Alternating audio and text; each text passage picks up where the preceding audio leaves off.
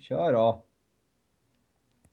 Då säger vi hej och hjärtligt välkomna till ett nytt avsnitt av Svenska fans NHL podcast i samarbete med CCM. Mitt namn är som vanligt Sebastian Norén och eh, vid min virtuella sida så har jag Niklas Wiberg och Robin Fredriksson. Sitter vi aldrig mitt emot dig?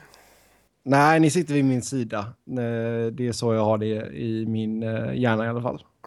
Jag tycker det borde vara mer rimligt att kunna titta på varandra liksom. Ja, men alltså, tänkte lite typ så här Eurotalk eh, studio-stuket typ. Ja, de tittar ju på varandra man, alla tre. Man, sit, man sitter lite på snedden sådär. Uh, och så kamera. Jag har slagit på kameran nu i alla fall. Ja, nej. Stäng av den för guds skull. Jag vill inte se Robin. Uh, aj, aj, det ställde mig helt, helt här nu. Eh, det var ett tag sedan vi hörde sist, så vi har lite grejer att eh, plöja igenom. Samtidigt så har vi fått hur många lyssnarfrågor som helst och det uppskattar vi verkligen jätte, jättemycket. Uh, ni tog verkligen mina ord till, till hjärtat där och bombade Niklas med frågor, så det, det uppskattar vi. Men vi börjar med kontrakt och trades och sådär som vi brukar göra och uh, först och främst så är det så att Cody Franson har äntligen hittat en klubb här nu på Free Agency och det landade i Buffalo. Eh, tvåårskontrakt. Jag att du behövde tid på att hitta vilket lag det var. Nej, men det, jag tänkte att han, han landade i. Jag sa inte att det, jag sa det landade i. Men han landade i Buffalo. Tvåårskontrakt, 3,3 miljoner i cap hit. Och det var ju inte alls detta som Franson hade förväntat sig när han eh, klev in på öppna marknaden här nu under sommaren. Nej, inte när han såg vad Niskanen och grabbarna fick i fjol. Eh, Nej. Nej, men det är ju en eh, fantastiskt bra signing av eh, Buffalo. Det var väl det enda... Tim Murray spelade väl lite poker med honom där och fick honom till ett jäkligt bra pris. Så det Eh, Pokémon? Poker! ja. Eh, och fick honom till ett jäkligt bra pris eftersom tydligen inte så många andra var intresserade och han går ju direkt in och blir deras bästa back tycker jag. Jag håller honom eh, förhållandevis högt. Eh, om man pratar alltså... Hockey. Eh, ja, lacrosse vet jag inte. Men om man pratar liksom tillgängliga backar eller spelare generellt den här sommaren. Mm. Däremot ska man ju inte glömma att han var rätt medioker i Nashville. Mm, jo, det var han. Passade ju inte riktigt in där och det har de ju sagt själva också att det blev lite fel liksom. Eh, nu tror inte jag att eh, ungefär 20 matcher i Nashville eh, är det som gör att han inte signar förrän i september. Men skulle han gjort dundersuccé i Predators så skulle han nog signat mycket, mycket tidigare. Ja, och det är Jo, där, var... det som är så Ja. jävla CP. Ja. Att, eh, att NHL-lag verkar baseras otroligt mycket på liksom, bara senaste månaderna i NHL. Sen en kille som Sean Bergenheim som inte ens har fått ett PTO någonstans. Som, eh, hade han haft en lyckad avslutning i Minnesota, de betalade ju fan mycket för att få dit honom liksom. Hade han bara haft en halvlyckad session där så hade han fått ett treårskontrakt någonstans liksom. Mm. Det är ju... ja, Det är, det, det är barockt om vi ska dra fram den gamla klassikern. Mm, Ja. Jo, absolut. Sen är det väl, eh, alltså, som, som Robin var inne på, så är det ju en jättebra värvning för, för Sabres givetvis. Eh, jag, håller, jag vet väl inte om jag håller honom högre än Bogosian. Det, det är väl relativt dött lopp där egentligen. Eh, men det är, de, de börjar ju få en backbesättning ju, med Bogosian och Fransson och Ristolainen i spetsen liksom. Den är fortfarande sämst i NHL, men eh, det tar ju tid att bygga upp den. De väntar ju på sina kids. Ja, och McCabe kommer och lite sånt här. Så det, det ser ju lovande ut ju. Ja, alltså sen Ristolainen ger han ett par år så kommer han ju vara ruggigt bra tror jag. Men eh, alltså när vi tittade i början av sommaren så verkar det ju som att han vill ju ha ett långtidskontrakt, kanske fem år någonstans där och gärna upp mot 6 mille i capita. Nu landar det på två år och 3,3 mille. Se, alltså detta är väl egentligen bara en bekräftelse på hur GMsen har alltså skärpt till sig och snålat ordentligt på eh, Free Agency i år. Det som är lite anmärkningsvärt i, i det här fallet är att han tar två år. Att han inte gör liksom eh, ett ettårskontrakt och ser vad som händer nästa säsong. Eller nästa sommar, rättare sagt. Ja. Eh, för det känns ju som att han fortfarande har möjlighet att få ett stort kontrakt. Alltså skulle han gå in i Sabres och göra 40-45 poäng eh, så skulle han ju kunna få ett bra kontrakt nästa sommar. Men han ville väl kanske ha lite trygghet nu. Han har ju signat, vad blir det, tre, tre ettårskontrakt i rad. Mm. Eh, så att... Eh, Men det var ändå några lite RFA-kontrakt i början där har jag för mig. ja, det är det. Men ändå, alltså det... Ja. Men visst, det är lite... Lite förvånande ändå. Mm. Det, det konstiga med den här sommaren har ju varit att det är ju fel spelare de snålar med också. ja. Alltså det är ju han som borde... Han om någon av de backarna, han är ju liksom, han var ju bara 27 år när han träffade marknaden. Att, eh, han borde ju kunna fått ett längre kontrakt. Eh, snarare än vissa andra som fick det liksom. Det som är lite skoj är ju också att eh, en del av snacket som har gått är ju att han var rätt nära Boston också. Och ja, det att, hade jag varit sjukt. och att han, nej men det roliga är att han uppenbarligen väljer eh, Buffalo före Boston. Och ska man Ja. tolka det på något sätt så är det ju kanske att Boston eh, inte är så jätteattraktivt. Nej, det kanske är lite, lite mer positiva vibbar i Buffalo just nu än vad det är i Boston. Det kan vi ju lugnt säga. Jo, framtiden är ju betydligt ljusare, det är ju rätt givet ju. Men eh, alltså ur ett kortsiktigt perspektiv så vet jag ju egentligen inte om eh, liksom Buffalo kommer utmana hårdare än vad Boston gör. Det tror jag inte. Eh, däremot så med tanke på all skit de hittade på i somras så är det väl kanske inte helt orimligt heller att en eh, UFA tittar lite suspekt på dem. Ja, det är sant. Ja, då hoppar vi vidare till nästa punkt och eh, det var Colorado och Arizona som gjorde en trade. Brandon Gormley går till Colorado och i utbyte så får Arizona Stefan Elliott. Och eh, Robin, du kan väl ge oss eh, rundownen på Elliott? Ja, han gick ju i eh, 09-draften och samtidigt som Tyson Barry och eh, det såg väl ut ett längre tag som att Stefan Elliott skulle bli den som eh, tog steget av de två. Men han, eh, ja, han tog aldrig det där steget och jag tycker ändå att han har gjort det förhållandevis okej när han spelar. Så att det är en kille man kan ha i fem, som femma, sexa och är bra i powerplay och sådär. Eh, Men eh, uppenbarligen tycker de inte att han är tillräckligt tuff nog och sådär. Um, eh, han gick ju oplockad på waivers två gånger i fjol tror jag. Så att eh, jag var förvånad att han, hade något värde överhuvudtaget. Mm. Det är en eh, rå offensiv back. Jag hade nog hellre spelat honom som forward faktiskt. Ja, I Arizona så vet man inte vad som kan hända. Det kan mycket väl bli så att han blir forward. Ja, Eh. där, där, det, det är väl stor risk att han bara blir en ny rundblad för Arizona liksom. Han är Jo, ju det är sant. på hockeyscap.com är han uppsatt som center. Ja, det är han inte. Ja, sen Brandon Gormley då, han gick ju första rundan 2010 vill jag säga. Ja. Um, ja det är skoj. men han har ju inte heller lyckats ta det här sista steget och eh, liksom etablera sig som en NHL-back. Men det kan, det kan kan mycket väl vara så att...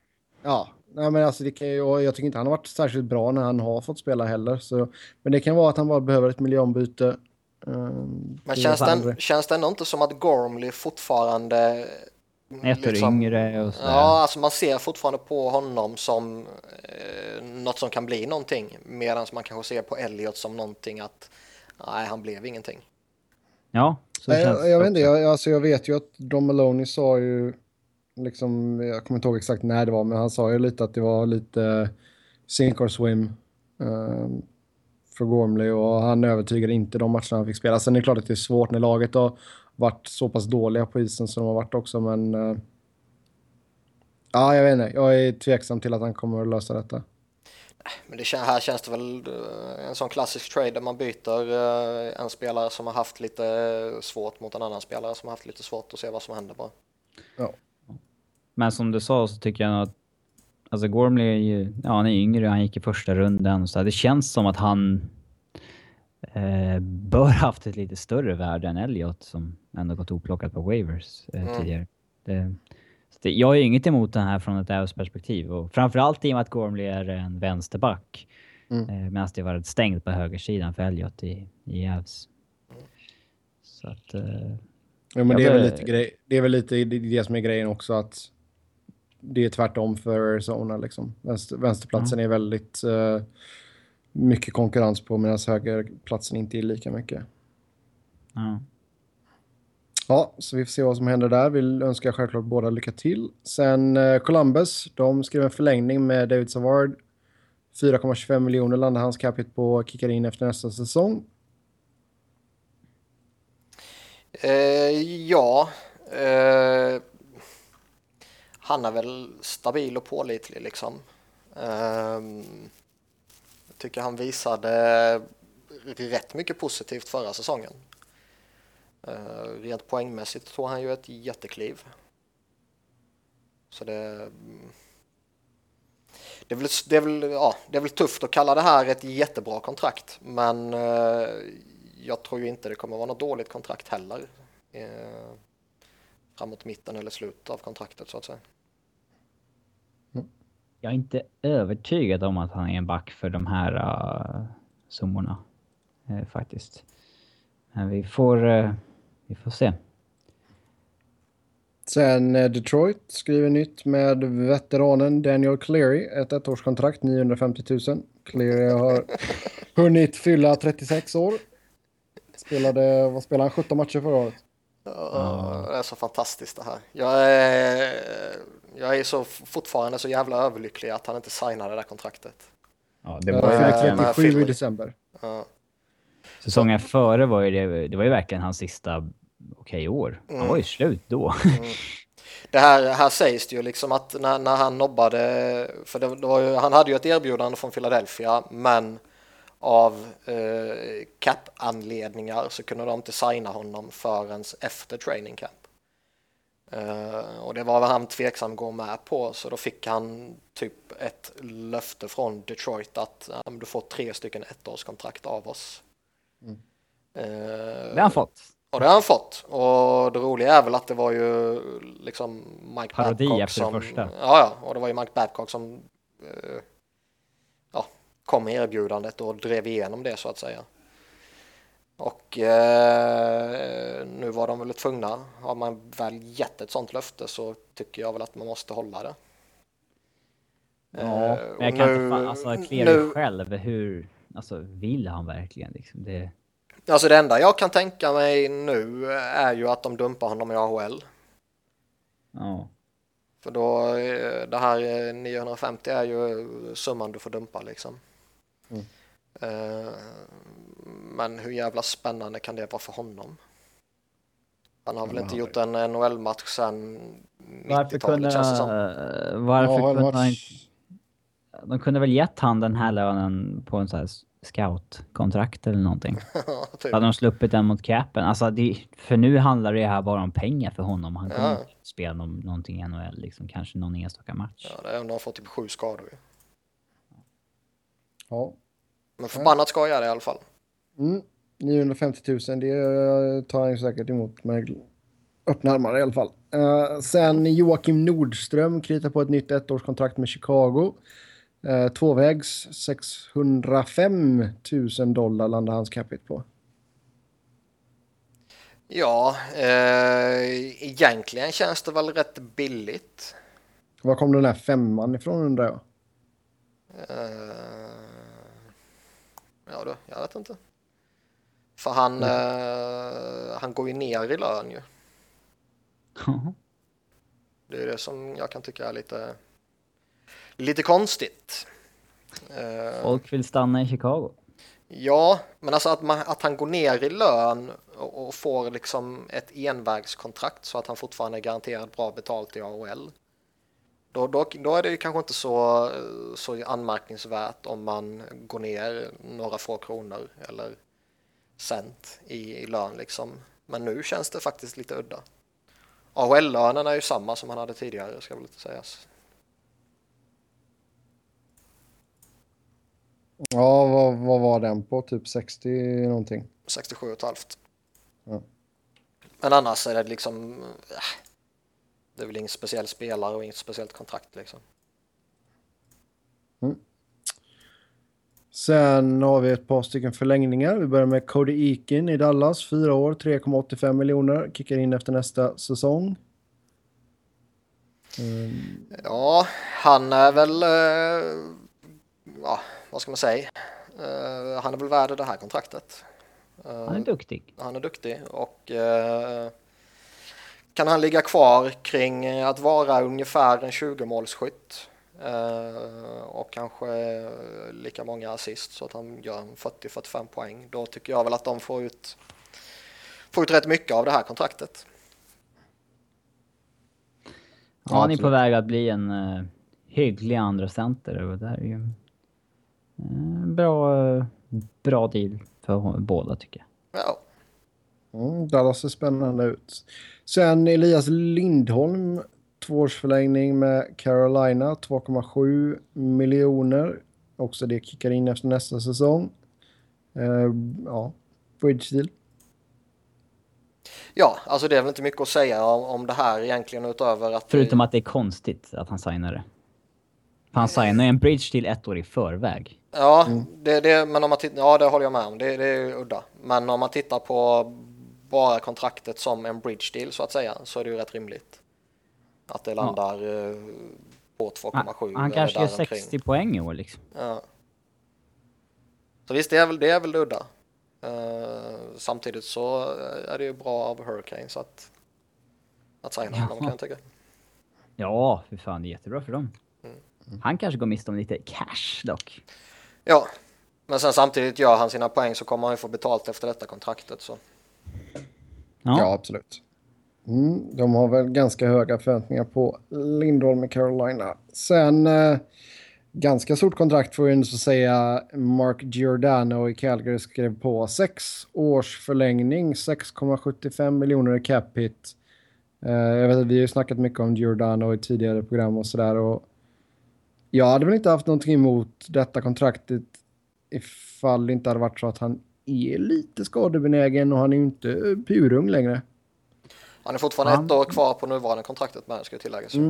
Eh, Ja. Han kommer vara 32 bast när säsongen börjar.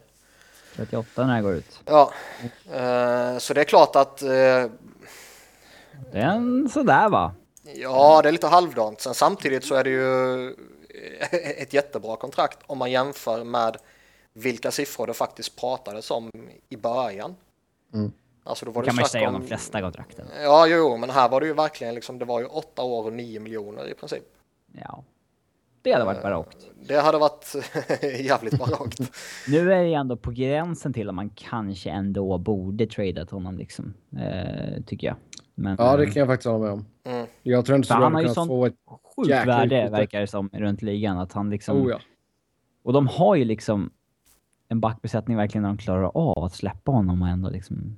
Ja, de har mycket Ja, ja, nu när de fick in Hamilton så skulle de ju kunna släppa honom, inte utan problem, men Ja, men verkligen fått in någonting vasst. Liksom. Ja, ja. Fått, fått tillbaka första valen de fick för Hamilton. Liksom. Eller, något. Mm. eller gav för Hamilton menar jag. Eh, eh, förmodligen fått mer än vad de själva betalade för Hamilton. Mm. eh, eh, ja. Jo men alltså det är ju ändå så, alltså när han har varit frisk så har han ju så hållit, alltså då har det varit nivå, Nor- Nor- Norris-snack om honom. Liksom. Så det, är, ja, han håller ju det är en jättehög jäk- nivå ju. det är en skitbra back, ni får missförstå oss rätt där, men alltså jag, alltså just med tanke på att han inte är så jäkla ung längre och med tanke på att han har haft lite problem med skador. Sen är det klart att det inte har varit så att han har haft problem med ljumskar eller något sånt, men alltså Axel Men är har du, Ja, ja, precis. Har du axelproblem och det sitter kvar så kommer du ha problem länge. Och eh, liksom börjar kroppen bryta sönder oavsett om det är samma skada hela tiden eller om det är olika skador hela tiden så kommer det också sätta sina spår. Det man kan ta bort, alltså det man in, inte kan räkna in, det är ju liksom freak injuries. Puck i ansiktet som krossar käken typ. Det är, ja. Ja, bryta armen. Mm. typ sånt. Ja men liksom f- frakturer ju freak injuries liksom. Jo absolut, det är klart de är. Ehm, Men uh, ja. Nej men alltså det, det är Vi sticker ut tudelat. hakan och säger att nej, de borde fan tradeat Karn. Ja. Skickat kaptenen. Det är rubriken. De borde skickat kaptenen. Ja. Nej, men alltså jag, har, jag, håller faktiskt, jag, jag tycker faktiskt det. Där, men jag ty, de hade ändå fått ett så pass bra utbyte så att det hade varit värt det. Sen är inte detta ett katastrofkontrakt som kommer att liksom, dra ner hela föreningen i framtiden. Det tror jag inte. Men eh, Nej, alltså jag tror att han kommer vara en, en väldigt duktig back under väldigt många av de här åren. ja, anta, alltså, antagligen tre, tre till fyra år liksom. Ja. Eh, Alltså när, efter det här kontraktet kickar in då. Ja, det tror jag. Eh, de sista åren kan ju givetvis bli problematiska, men så är det ju med alla längre kontrakt som är 6-8 år liksom. Vissa förfaller fort. Det är oerhört svårt att... Eh, eh, alltså ut... att gissa vem som ska falla av snabbt liksom. Det, Jo, det är klart. Absolut. Ska vi se. Så Deno Chara kanske faller helt genom eh, jorden den här säsongen. Mm, ja, jag tror inte... Ja. Alltså Chara kommer väl fortfarande vara en väldigt kompetent back. Däremot så är det väl rätt mycket inte som talar för att han, ja, exakt. Alltså det, det förfallet har vi nog redan sett. Jag tror inte att han blir sämre än så här liksom. Nej, men sen, och sen blir det ju alltid, alltså, vi, vi har ju pratat om det många gånger, alltså, man tittar ju ofta på spelare, man tittar på deras kontrakt och allt sånt där och sen dömer man dem utifrån det liksom. Det, Precis som man ska. Ja, exakt. Ja, så det, det var det där. En kille som inte skrev på något jättekontrakt, som säkert hade hoppats på um, både mer term och mer pengar, det var Christian Ehrhoff. Han landade i Los Angeles med Kings. Ett år, 1,5 miljoner. Eh, känns lite som ett kap för Kings med tanke på deras kappsituation. Ja. Alltså det är ju en fantastisk, eh, vad ska man säga, backup-plan om man Ja. eh, vill nedvärdera Erhoff till att kalla honom det. Eh, men i, liksom, i ärlighetens namn så är det ju det. Eh, man vet inte vad som Jo. händer med Vojnov. Nu eh, ska ju han undersökas av, vad var det, immigrant? Immigration. Ja. Ja. Och vill det sig illa så kan de ju deportera han till Ryssland liksom. Ja, det är bra. Ja, och ja, då, då kan han inte spela kvar i Kings givetvis ju. Men o, oavsett om, eh, om han, han frias och bla bla bla och han får fortsätta spela eh, så är ju det här kontraktet jättebra för dem, alltså Erhoffs då. Och eh, försvinner han eh, och oavsett om de eh, blir av med hela hans kapp eller om de straffas på något sätt så är det ju också en jättebra situation för dem i Erhoffs kontrakt. Jo, absolut. Sen Så, alltså, sen, så, sen så glänste ju inte Ehrhoff förra säsongen, det gjorde han inte. Nej, men Nej, han, var hade- ju han hade sina söndertrasad av skador. Han hade sina Ja. skador och sånt där, så det gör ju att han inte är ett lika säkert kort som han var för några år sedan. Nej. Hade, fortfarande, hade den här killen landat på marknaden för några år sedan så hade han fått ett fyraårskontrakt minst. Det... Ja. Däremot tycker jag det är något jävligt vackert över att han tar förhållandevis få pengar och ettårskontrakt hos eh, Contenders. Istället Ja. för att jag är rätt så övertygad om att han skulle kunna få bättre betalt och åtminstone något eller några år till någon annanstans. Det tror jag. Mm. Eh, nu har han ju så att han klarar sig helt okej från Buffalo. Pegula. Men eh, det är ju liksom, jag tror inte det är några monsterpengar han kvitterar ut varje säsong. Mm. Så det, det är ändå vackert att se att han, eh, att han tar relativt, vad ska man säga, dåliga kontrakt. Erof Jo, och, sen, och sen kommer han ju få en ganska, alltså så länge han är frisk här nu så kommer han ju få en ganska stor roll i Kings som inte var innan han kommer tillbaka. Mm. Ja. Så, eh, Det kommer han väl få även om Vojnov kommer tillbaka. Så. ja. Det kan man väl argumentera för. Ja. Sen, ja, vi är alla eniga om Voinov-grejen. Jag orkar inte ens prata mer om skiten. Jag orkar inte Eh, snacka. I, vi, vi behöver sätta en regel att vi nämner aldrig Slava Vojnov eller Mike Richards med i poddarna. Fy fan vad det är tröttsamt ja, vi får ju vänta tills det händer någonting. Men Nej, alltså, Inte ens som, ni, som Jag Niklas sa, kommer vi inte ju- tolerera att du sitter här och snackar skit om Mike Richards. Ja, men- Vi, eh, vi kan ju bara dra den upp, updaten snabbt då. Voinov satt i fängelse. och servade sin time och nu uh, är det immigration uh, under sökning. Och Mike Richards blev uh, charged with eh, possession of uh, någonting. Så det var det där i alla fall. Nu går vi vidare. Uh, många spelare som har signat uh, professional tryouts. Och uh, Toronto har en del här. Curtis Glencross, Rich Clune, Devin Serigucci. Sen såg jag även att vem var det mer? Boys? Brad Boys, ja, det snackade om jag. Mm. och sen Peter Budaj uh, signade med Kings, Ray Emery i Tampa, David Booth, Florida, Jonas Gustafsson, Boston, Scotty Gomez och Scotty Upshaw, uh, St. Louis och Steve Bernier i New York Islanders, bara för att säga några stycken här. Alltså det, det verkar som att det är många stor, alltså relativt stora namn. Alltså nu får vi sätta det i, alltså det, det är inga stjärnor, men det är ändå så household names för de som är insatta i hockey. Uh, väldigt många som verkar behöva bevisa att de är värdiga att stanna i ligan. Så har det ju varit känslan hela sommaren. Uh, det är lite KL-spelare som har tagit deras platser liksom. Uh. Uh, jag kan förvåna en kille som Sean Bergenheim fortfarande inte ens fått ett PTO någonstans. Det... Han kan ju ha tio erbjudanden men vill vänta in kontrakt liksom. Ja. Det, finns ju, det finns ju ändå en, eh, en kultur som säger att det är lite förnedrande att ta ett PTO liksom.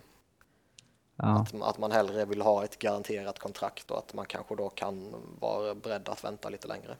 Det är lite som att simboja-märket baddaren. Det är, inte, det är lite pinsamt att ha nästan. Ja. ja, jag vet inte, du kanske tog det här en veckan men jag tog det för rätt länge sedan så jag kommer inte ihåg det. Ja. Nej, jag vet inte. Douglas Murray gick ju och väntade på ett kontrakt och det gick inte så särskilt bra. Han är ju topp fyra back i ligan. Ja, han säger att han har tappat lite i vikt nu så att, eh, nu är det bara att köra. okay. Nej, men alltså sen eh, Vasilevski åkte ju på eh, skada där i, i Tampa så det är väl Ray Emery glad över i alla fall. Ja, och eh, jag kan tycka att eh, lyckas han få ett kontrakt med Tampa så är väl det Alltså om man tar det som en förhållandevis kortsiktig nödlösning så är det väl en, en okej okay nödlösning. Uh, han har... Alltså, de, har de har ju Guslevskis också i och för sig. Ja, men det... Honom kanske man vill lira i AHL. Jag menar Bishop när han är frisk kommer ju ändå spela sina matcher. Mm. Så då kan man väl låta Ray Emery sitta på bänken nio matcher och spela en match liksom. Eh, Jonas Gustafsson är lite intressant. Boston har ju en, en intressant målvaktssituation bakom Tokarask där de har eh, ett gäng yngre spelare eh, som han kommer göra upp med. Alltså Gustafsson då. Mm. Om man tar andra platsen eh, Subban bland annat. Så det kan väl bli spännande att följa honom. Annars är det ju många rätt trötta veteraner liksom. Curtis Glencross var ju skitkass i Capitals. Uh, Seto Gucci känns ju jättetråkigt. Han har väl knarkat också? Det har han säkert gjort. Han kom, uh, ja, ska, vet inte om det här är sant, men... Uh, Kastar du det grejer? uh, jag tror att han gick ut och sa att han uh, är clean numera, liksom typ att han hade haft problem med sånt senaste åren. Ja, det är mycket möjligt. Det har jag missat. Men det skulle väl kunna förklara ett litet förfall också. Ja. Uh... Sen är det ju liksom David Booth, ja det känns jävligt tråkigt. Gomes, Upsall, Bernier känns ju tråkigt det också. Ja, Sen är det väl... Jag har varit på rehab, han har varit sober i fem månader nu. Ja.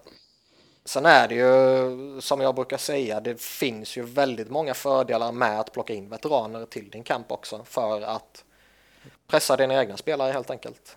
Mm. Japp. Japp, då hoppar vi in på lyssna-frågorna.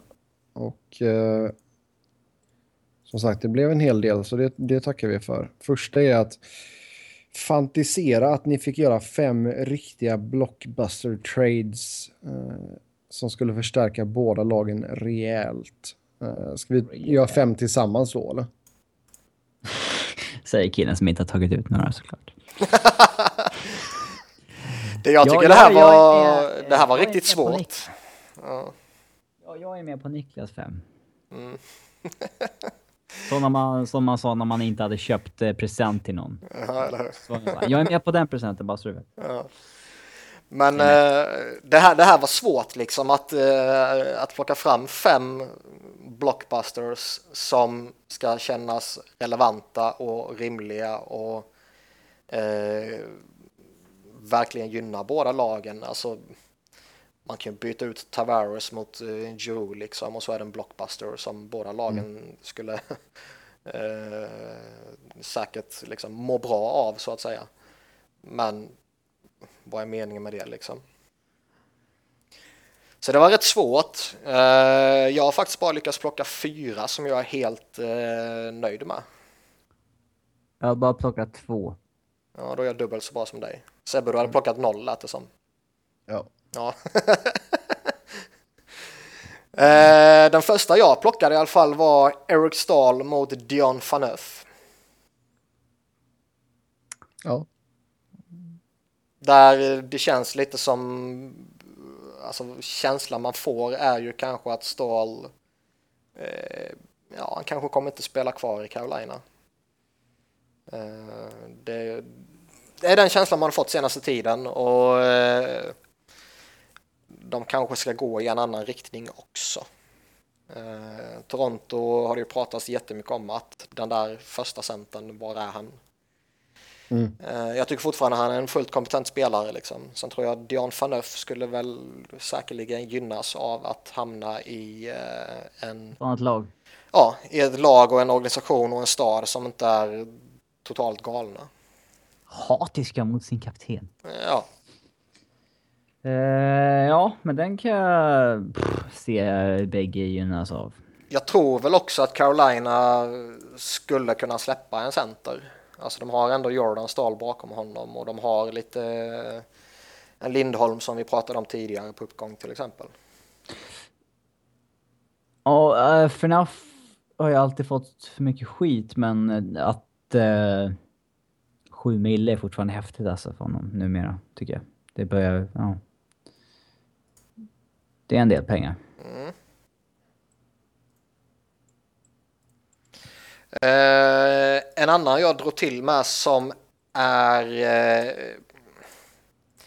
vad ska man säga som jag är som jag inte skulle genomföra om jag vore det första laget men som jag gladeligen skulle genomföra om jag skulle vara det andra laget är Jevgenij Malkin och Pascal Dupuis till St. Louis mot David Backes, Jaden Schwartz och typ draft pick till Pittsburgh. Eh, Du skulle inte göra det om du var Pittsburgh. Pittsburgh? Ja. Jag tror eh, om man pratar chans att vinna kuppen så tror jag chansen är större med Malkin i ditt lag än med ja, i princip vilket utbyte du än skulle kunna få. Som är rimligt då givetvis. Eh, med tanke på vilken sjuk högsta nivå snubben har. Eh, däremot så är väl kanske traden i sig lite logisk och jämn så tillvida att eh, Pittsburgh släpper den dyra och bästa spelaren och lite utfyllnad i Super Duper. Och så får de in en, eh, en väldigt effektiv center bakom Crosby i Backers då. Och en eh, ung, utvecklingsbar men redan väldigt duktig eh, forward i Schwartz. Mm. Och man har ju pratat lite till och från också kring Blues att de kanske Behöver en center? ja, behöver uppgradera en center liksom. Det har jag också en plan för. Mm, säg den då. Kevin Shattenkirk mot Ryan Nugent Hopkins. Bra va? Nej. Är det en Ah. blockbuster? Klart som fan. Ja, det är det ju fan. En första center mot en topp 2-back. Eh, ja, nej, den, den, är, den är intressant där den. Jag, Edmonton eh, kan ju offra The Nuge nu när de har fått in Connor McJesus. Ja, det logiska är att offra Leon Draisaitl, men kan man få in en toppback mot Hopkins så... Mm. Och det hade varit intressant i St. Louis också. Mm, absolut. Det är inget dåligt förslag. Nej, där har jag gjort det riktigt bra. Det, det enda jag kan ha invändning mot är väl att eh, det klingar lite fel om man tittar på, Backtypen, Shattenkirk, eller vadå? nej om man tittar på Blues, eh, liksom om man ska kalla den win now mode. Tycker du? Eh, Ja, alltså Nugent Hopkins är ju inte... eh, Fan vet om han är den som, skulle, som Ken Hitchcock skulle lyfta fram och åstadkomma mirakel med.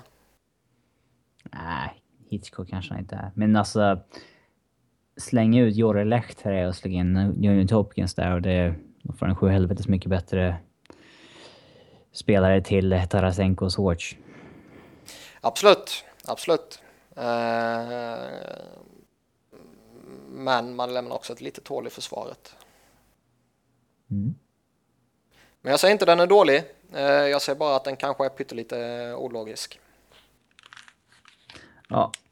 Den andra jag har tagit ut är i man har hört hundra gånger och det är ju Shea Weber mot eh, Malkin. Eh, den tror jag skulle gynna Nashville utav bara helvete. Kanske att den skulle gynna Pittsburgh en del. Men ja, förmodligen gynnar Nashville mycket mer. Eh, ja, Nashville får väl liksom den, den mest, eh, vad ska man säga, den största spelaren liksom. Och de har en sån jävla täckning på sin backsida så att det är Ja. sjukt. Däremot tror jag att Shea Weber ur ett kortsiktigt perspektiv skulle lyfta Pittsburgh rätt hårt. Om de på något sätt skulle kunna kompensera förlusten av Malkin med eh, en bättre center liksom. Om de kan uppgradera via någon annan trade också. Mm. För liksom en Nick Bonino ska väl inte vara en andra center i Pittsburgh liksom. Nej, eh, men eh, Letang går ju liksom inte att lita på. Mm. Att han eh, kommer frisk. Och nu när de har tappat Martin och Eroff så utan att ersätta egentligen så... Ja, de måste få in någonting där alltså. Jag tror inte Sergej Goncha är svaret. som vi har eh, glömt nämna bland PTOs. Ja, Han nämnde vi förra programmet. Gjorde vi? Ja.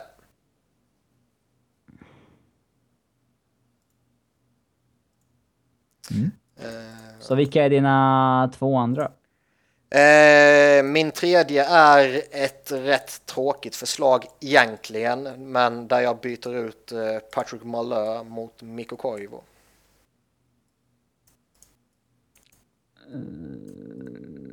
Mm, ja, jag vet inte fan. Då har ju... Ska Marlö spela center då eller? Eh, ja, eller så får han väl spela winger så får de hitta på något annat. Ja, för de får det jäkligt ja, tunt på centersidan. Ja, det är väl typ Granlund och Coyle som är kvar då. Eh, men han kan ju spela center och skulle jag vara GM så skulle han göra det alldeles utmärkt. Men eh, det känns väl lite som att båda två kanske, eh, alltså vi pratade Gormley Elliot tidigare, två spelare som kanske egentligen är rätt logiskt att de hittar någon ny organisation. Men ska Koivu gå in som tredje center i Sharks då? Eh, nej, det är ju upp till deras coach att bestämma. Jag ser inte, jag ser inte riktigt logiken i det. Eh, nej, det, jag har svårt att hitta någon riktig logik i den här också, mer än att eh, jag inte ville nöja mig med två eller tre förslag bara. Mm. Eh, det här var svårt som sagt, det var jävligt svårt att komma på sådär bara. Eh, men den sista jag har är i alla fall Dustin Bifoglian till Rangers och eh, Dan Girardi och någonting till. Typ eh, en prospect eller pick eller någonting ja, till Winnipeg. Den tror jag Rangers skulle vinna som fan på. Mm. Men det går ju lite snack om att eh, Winnipeg eh, antingen inte kan eller inte ja, inte vill helt enkelt skriva längre kontrakt med både Andrew Ladd och Dustin igen. Bufflin. Ja. Nej. Ah, Bufflin. Dustin Bufflin. ja, du får säga vad fan du vill, jag säger vad jag vill. Eh, det här känns väl egentligen kanske som, uh, alltså värva in honom känns väl mer som en grej som Satter skulle göra för Rangers. Mm. Eh, nu är jag väl inte så jätteövertygad om att det kommer ske. Men eh, det har ju ändå varit lite smårykten och spekulationer om Big Buff till Manhattan. Men det var kanske i och för sig innan de plockade upp Keith Yandel istället. Sen hade jag, jag listade några namn sådär som kanske, som jag inte hittar någon bra liksom eh, något bra utbyte till med typ en Brent Seabrook, man kan göra något med det, eller Jeff Skinner eller Rick Nash. Jag försökte arbeta fram en monster blockbuster med tvillingarna Sedin men lyckades inte. Sedinarna ja. De är kluriga. Mm. De tar ju så jäkla mycket capita så det är så jäkla... Ja. Den är svår att pyssla med. Mm. Det skulle vara Merlot och Thornton mot tvillingarna. Åh. Men varför liksom? nej, det, nej, det kommer inte ske. Men det var en Det svår som, det är som fråga. att byta Kåpet här mot Taves typ. Ja, men om varför Mm. liksom? Ja, det har varit lite snack om Patrick Kane eh, med tanke på det som har gått surrat runt honom här nu. Men vad, alltså, vad skulle ett lag behöva ge upp för att få Patrick Kane? Eh, det beror väl på om han är en våldtäktsman eller inte. Alltså, Skulle, skulle ändå Men bli alltså äv, även ifall han inte, alltså nu vet vi inte vi vad fasen som har hänt här egentligen, men det är ju inte bra för varken hans image eller Chicago Blackhawks och sen gick eh, någon kvinna ut och anklagade Derek Rose som är Chicago Bulls stora stjärna och som sexuella övergrepp. Så det, det har inte varit någon lätt sommar för sportfansen i Chicago, det kan vi lugnt säga. jag har aldrig hört talas om den där snubben. Jag skiter fullkomligt i honom också. Och då menar jag inte Kane, då menar jag den andra som jag inte ens kommer ihåg Ja. namnet på längre. Derek Ja. Rose. Ja. Det har var varit mycket skit i. Nordamerika i alla fall den här sommaren. Ja. Med, med, Ja, fy fan. Men däremot Ka- Kane är ju, det är ju faktiskt jävligt intressant för det kom ju förra veckan eh, rapporter om att direkt när den här händelsen kom ut att det var minst fem lag som hade kontaktat Chicago och sagt att vill ni trada så är vi redo liksom. det är helt sjukt att det fungerar så. Men det är helt galet liksom. Du har en snubbe som är involverad i en våldtäktsutredning. Eh, alltså oavsett om han eh, blir skyldig eller förklaras oskyldig eller köper sig fri eller vad han nu gör. Så är det ju helt galet att det är minst fem lag som är redo att eh, trada för honom innan man ens vet vad som har hänt. Ja, det är det första man tänker liksom. Ja, Ja. nu kan vi hugga någon billigt. Liksom. Ja. Eh, det är ju faktiskt eh, rätt absurt. Ja, tragiskt. Ja. Sen är ju frågan om, eh, alltså det är ju ett intressant case om han är tradebar eller inte. Eh, och om Chicago skulle vara redo att släppa honom. Eh, det är ju en toppspelare i ligan utan tvekan, men det är ju också bevisligen ett jävla svin. Det är inte första grejen han är ute för här liksom. Så jag vet inte, alltså det döms han så då vet man inte hur ligan kommer reagera heller. Eh, De kanske sparkar ut honom för all framtid. Eller så stänger de av honom ytterligare längre än vad han får avtjäna fängelsestraff eller vad det kan bli liksom. Så det, Tragiska är att oavsett vad han döms till så är han ju för bra och för stort namn för att han ska liksom eh, bli persona non grata i hela ligan. Jo, så är det ju. Eh, Men sitter han kvar på det kontraktet och Chicago eh, vill göra sig av med honom utan att eh, plocka fram Mike Richards-lösningen så är det ju en rätt jobbig situation. om han skulle dömas och så vidare. Mm. För man, man kan fan inte ta in en, en, ett sånt kontrakt med den historien. Det, om, om han nu döms, ska tilläggas. I en, i, i en, och när vi leker med det scenariot liksom. Eh, du skulle ju tappa något sånt fruktansvärt rent PR-mässigt och varumärkesmässigt och allting liksom. Du skulle ju hängas. Ja, absolut. Jag menar, eh, EA var ju snabba med att plocka bort han från omslaget på NHL 16 och skulle det nu visa sig då att de här uppgifterna stämmer och han döms, så man liksom, det, då vill inte sponsorer ta i honom med tång liksom. Nej, rimligtvis borde det vara så.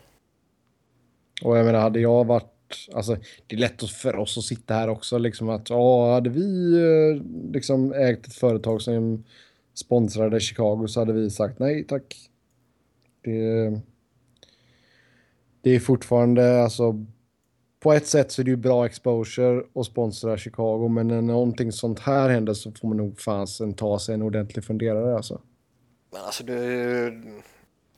Om du har ett varumärke som du vill exponera så kan du ju utan problem hitta en ny lösning på det om du drar dig Mm. ur något sånt här samarbete liksom.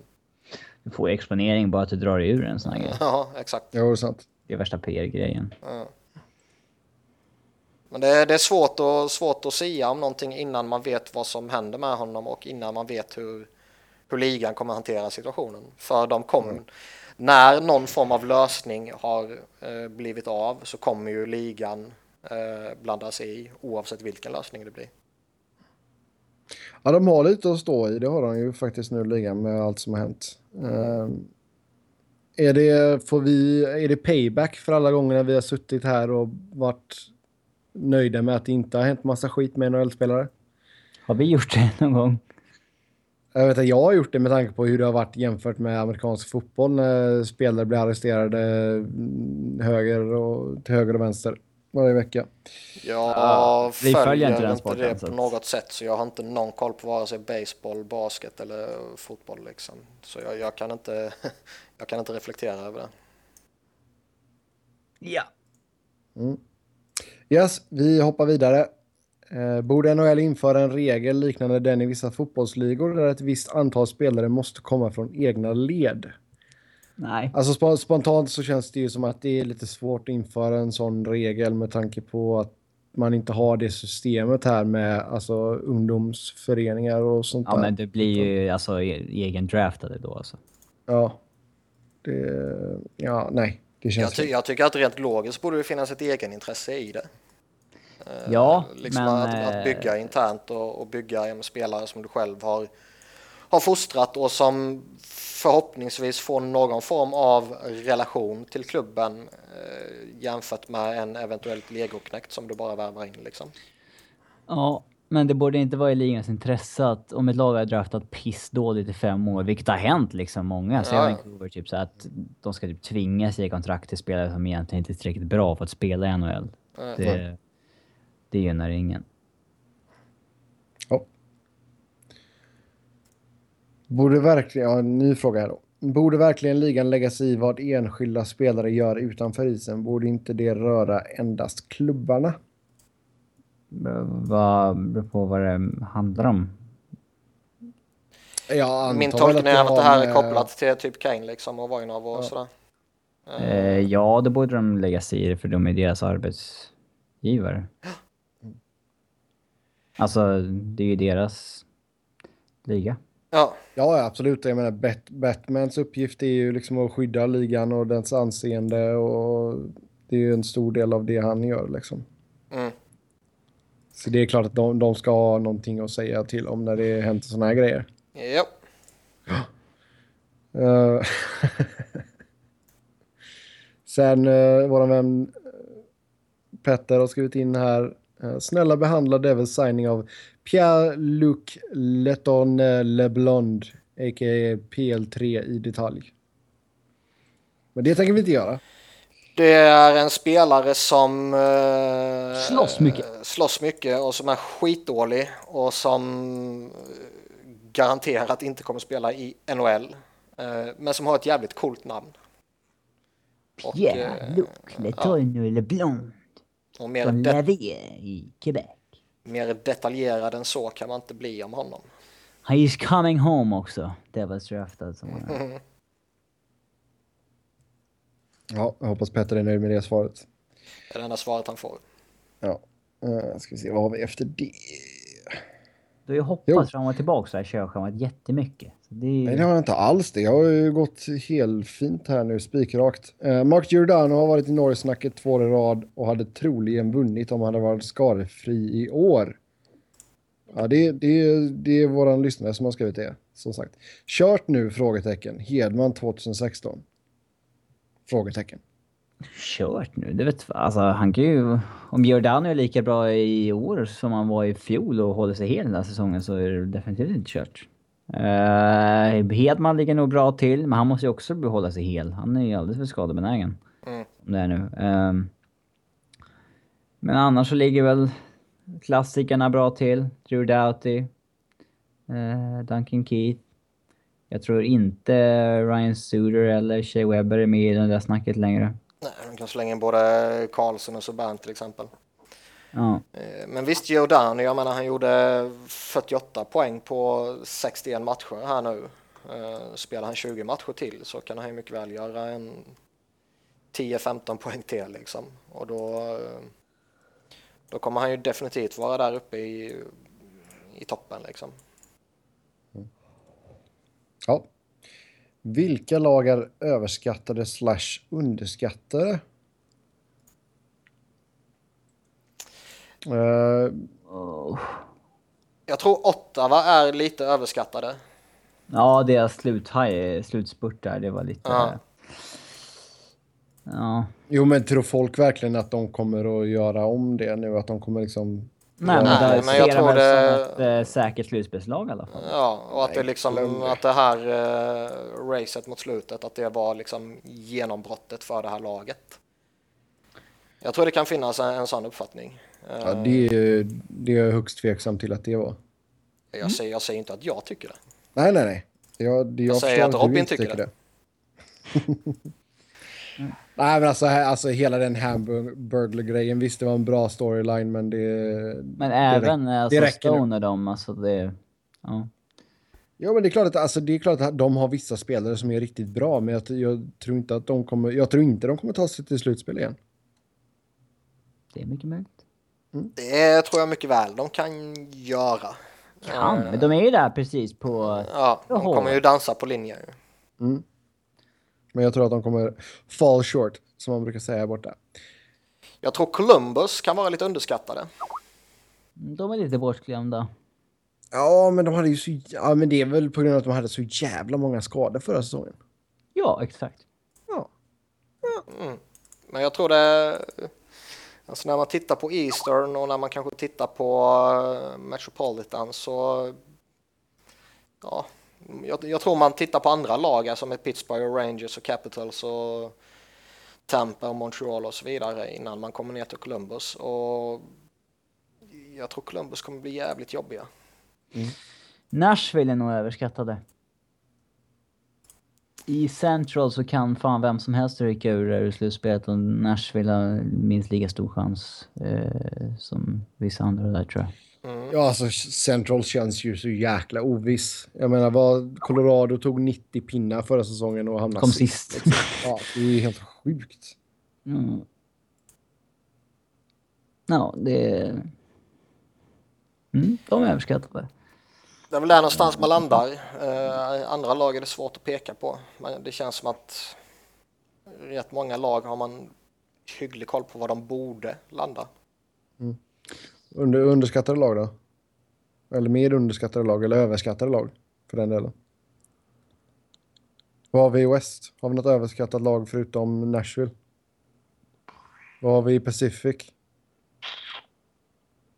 Är- Kan, kan Edmonton räknas som underskattade nu? Nej, Nej, Är de alltså, överhypade? nej, inte det heller. Folk säger att McDavid ska gå in och göra en poäng per match. ja, men det är... Ja, men vissa... eh, De är väl varken eller tycker jag. Steven Stamkos säger ju att Conor McDavid redan är bättre än vad han är. Ja. Men det är ju bara skitsnack för fan. Det, det, vet, det vet ju han också. Det är, det, är så, det är ju bara så dumt att säga det liksom. Taskigt mot Connor. Eh, Nej men alltså, ja men alltså seriöst. Man, man målar ju upp en bild som eh, liksom... Alltså, Jag lyssnar på poddar och de säger så här att det är ju inte... Typ, det är ju inte... Fantastiskt om han liksom gör under 90 poäng så här. Fan, det var ingen som gjorde 90 poäng NHL i fjol. Fan, det- nej, alltså det det, är som som han jag ska- sagt innan, gör han 50-60 poäng så tycker jag han gör en jättebra säsong. Ja. Alltså man måste titta på vilket jävla skitlag han hamnade i. Ja, och vad Och som man måste är titta på hur det ser ut i standarden för ligan. dagens NHL. Ja, världens bästa spelare gör inte lika många poäng som... Man kan inte jämföra med Crosby när fan gjorde, det var 11 spelare någonting som gjorde över 100 poäng den säsongen. Ja, Det är en helt annan liga idag. alltså jag tycker det... Och sen du vet kommer Stamkos med sådana grejer. Det är ju liksom verkligen att... Det, det skulle ju kunna vara lite, alltså skulle det vara, skulle Stamkos spela i liksom Vancouver eller Calgary eller något sånt där, om man verkligen vill skapa upp eh, en, eh, liksom hetsa och verkligen sätta honom under ännu större press och grejer, då skulle det ju kunna finnas något, något vettigt i det här. Men nu känns det ju bara så jävla, ja, trams. Ja. Ja, Hur... gå vidare. Ja, ja, jag tänkte göra det. Hur mycket blir Minnesota förstörda av Bäckströms kontrakt?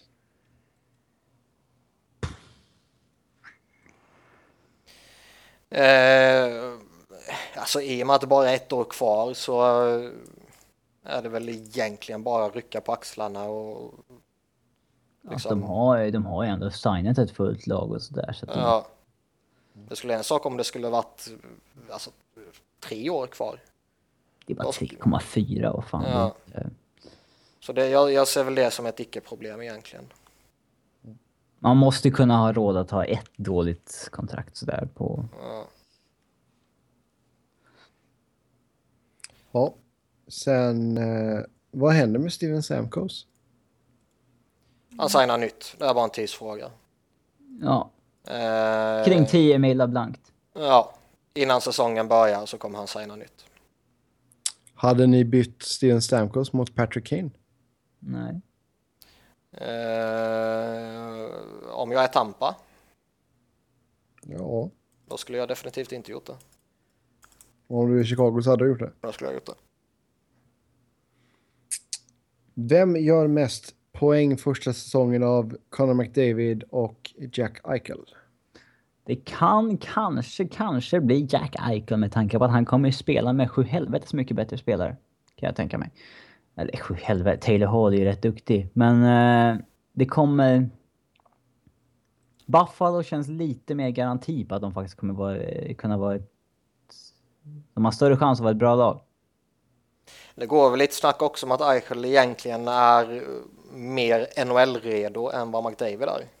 Ja, men det, sånt där snackar det alltid. Ja, men... Eh, Eh, Tvåan ska vara mer redo, men den jo. andra har större potential. Typ. jo, men eh, innan någon har spelat så är det det enda vi har att gå på. Ja. Eh, så jag menar, det, det går ju inte på något sätt att utesluta att eh, den ena är bättre än den andra. Nej. Jag försöker bara titta här vilka Edmonton spelar mot Opening Night. Ja, det är ju där allt kommer avgöras. Nej, Varför är det så intressant? därför jag ville kolla vem... Okej, de spelar mot Blues. Jag tänkte kolla vem blir den första som sätter in den här riktiga, rejäla monstertacklingen på McDavid. Ja, Och det vet du genom att kolla... Nej, jag ville kolla Ja. i alla fall vilka de spelar mot så har man ju någon, några alternativ i alla fall. Ja, det var, eh, det var ingen bra idé. Nej, De börjar med tre bortamatcher kan vi säga också. mm. Eh, kommer Eric Johnson lyfta med vettig backpartner? Når han topp 10 över backarna i NHL? nej och nej. Eh, jag tycker väl att han är mellan 20 och 30 kanske bland backarna än han nu. Han kanske ser lite bättre ut bredvid en Boscheminen istället för en Jan Heide eller Matt Hunwick eller sådär. Men det är ju inte så att François Boscheminen och Duncan Keys direkt. Så Grejen är eh, att jag, jag, jag tror givetvis är han en uppgradering över John Heida. men jag tror ju inte att skillnaden mellan de två är så ofantlig att eh, Buscemin kommer lyfta EJ till att bli en toppback i ligan. Nej, men eh, EJ är en etta fortfarande i dagens liga. I och med att han... Eh, ja, han tillhör ju typ 30 bästa backarna, ska jag säga. Ja, det håller jag med om. Precis Ja, jo, på- absolut. Det är givetvis. Men jag menar, ska han in på topp 10 så då krävs det ju mer än en François Buscemin. Mm, får se vad som händer där också. Det är väl ganska, det är väl ganska bekräftat att de har börjat snacka kontrakt, Erik Johnson är, så han är ju pending UFA. Mm. Så att, eh, vi får se vad det hamnar på. Vissa Abs-fans är ju såhär, men jag är nöjd bara det är under 7,5 typ. Alltså så högt hålls han bland Mm. eh, Abs-fans liksom. Medan resten av ligan skulle kanske höja på ögonbrynen om det landade på över 6. Ja, sen eh, Tarasenko har gått och biffat till sig. Hur mycket tror vi att det kan eh, påverka hans rörlighet och eh, hans eh, ja, explosivitet, speed och så vidare? Förhoppningsvis är han slut som artist. Det gör väl ingenting om han lägger på sig några kilo muskler? Jag vet inte, alla hanterar det där olika alltså. Alltså det beror på, alltså man kan ju Alla har ju en idealvikt. Inte, han ja. kanske har passerat sin, jag vet inte. man kan ju vad ska man säga man kan ju bli tyngre på olika sätt också. Mm. Alltså det beror på hur du tränar. Eh, Det vilken är inte form bra av, på kulmage liksom. Nej, Nej. men vilken form av, eh, alltså kör du explosiv träning, kör du bara tungt, tungt, tungt liksom. Han kör ben och bröstmuskler. Ja, alltså det finns är så många sätt man kan träna på. Jag, Det känns som att vi tre är de sista som sitter och snackar träning. nej, jag har faktiskt pluggat rätt mycket sånt. Sen är jag, Alltså- sen är jag själv lite småtjock så jag menar, det, jag har inte levt upp Ja. till det. Jag har aldrig varit på ett gym i hela mitt liv. Va? Nej, aldrig. Helt ärligt nu. Nej, jag har aldrig Det är varit på ett klart gym. du har. Nej. Men jag oavsett, gick förbi eh, oavsett vilket så skiter jag fullkomligt i Robins träningsvanor. Eh, jag ser väl inte att Tarasenko kommer påverkas så jättemycket av att eh, biffa till sig lite. Nej. Det var, inte, det var inte så att han var stor tidigare och har blivit abnormt stor nu. Då skulle det ju kunna varit en, eh, en liten, ett litet varningens finger liksom. Ja, jo. jo. Det är ju inte så att han har gått och blivit... Fan, nu glömmer jag av namnet på han den tyst... Ja, nu är sidospår här, men... Ja, Den Han gamla tyska tysk- målvakten som tyska målvakten, ja. bodybuilder eller någonting. Ja, Nej, så är det ju inte. nej. Nej, alltså jag menar om något så... Jag menar, Mm, några... Ja, Tim Wiese, ja. Några, några extra kilo muskler där och kunna hålla, hålla undan spelare, det är bara bra. Det är bara bra.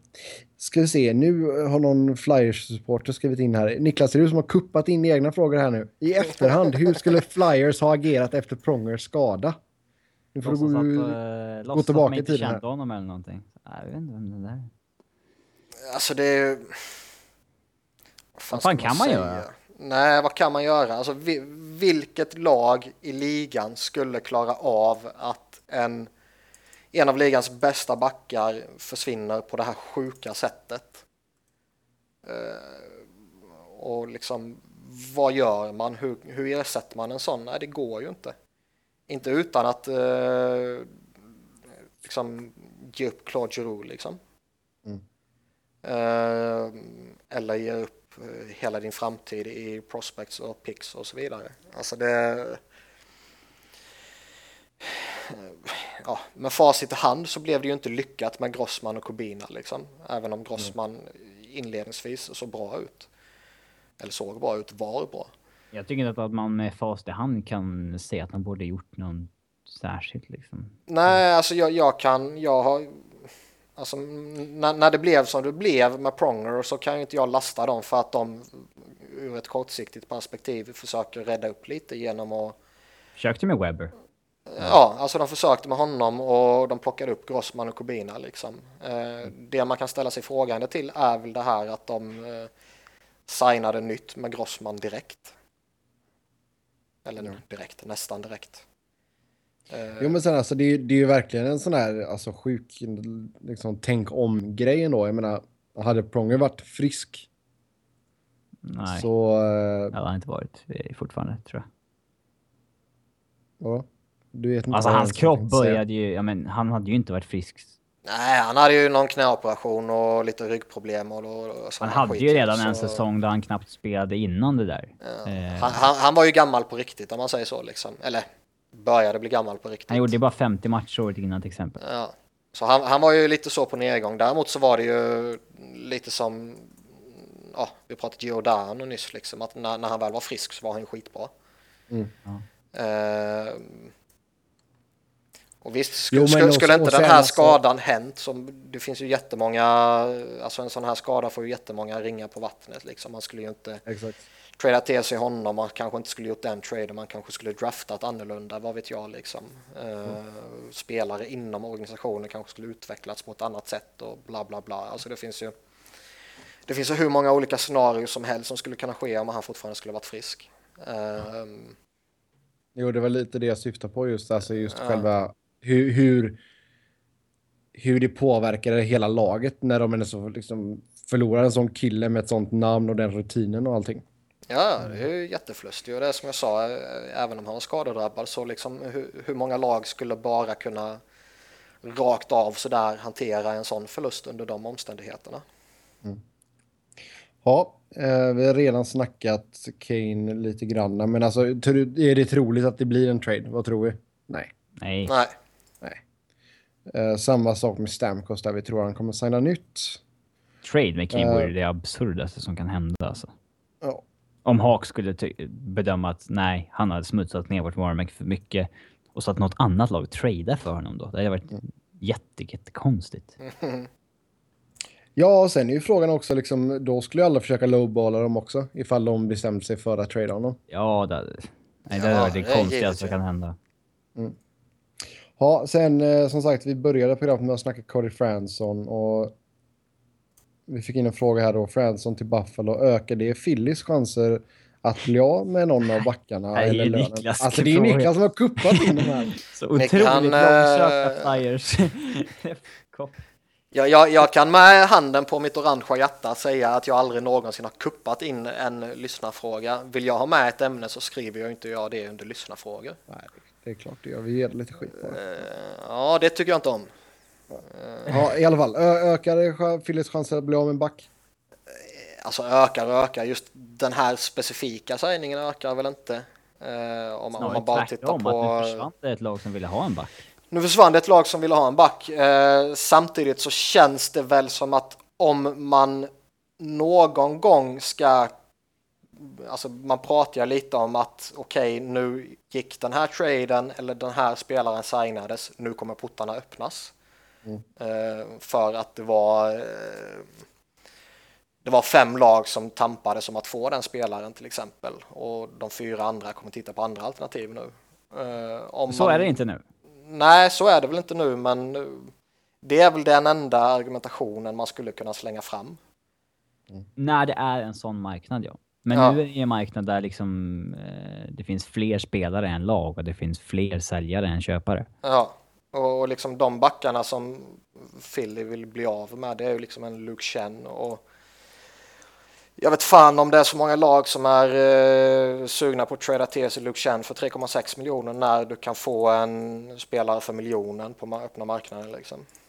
Alltså det finns ju en handfull backar som är bättre än Luke Chen som har signat i en ettårskontrakt på mycket billigare. Alltså, Ja, det är, Och liksom det, nu är ju inte lagen som behöver ta sig över golvet. eh, Det, det är ju inte lika många som det var tidigare. Jag tror alla är över nu till och med. mm. Ja, ska vi eh, spara sista frågan till nästa avsnitt eller ska vi ge oss på den nu? Vad handlar den om? Välj ut två spelare i varje lag som kommer vara säsongens utropstecken. En Varje lag? positiv, ja, en positiv och en negativ överraskning. Det skulle ju ta 45 minuter. Nej, det är bara att plöja.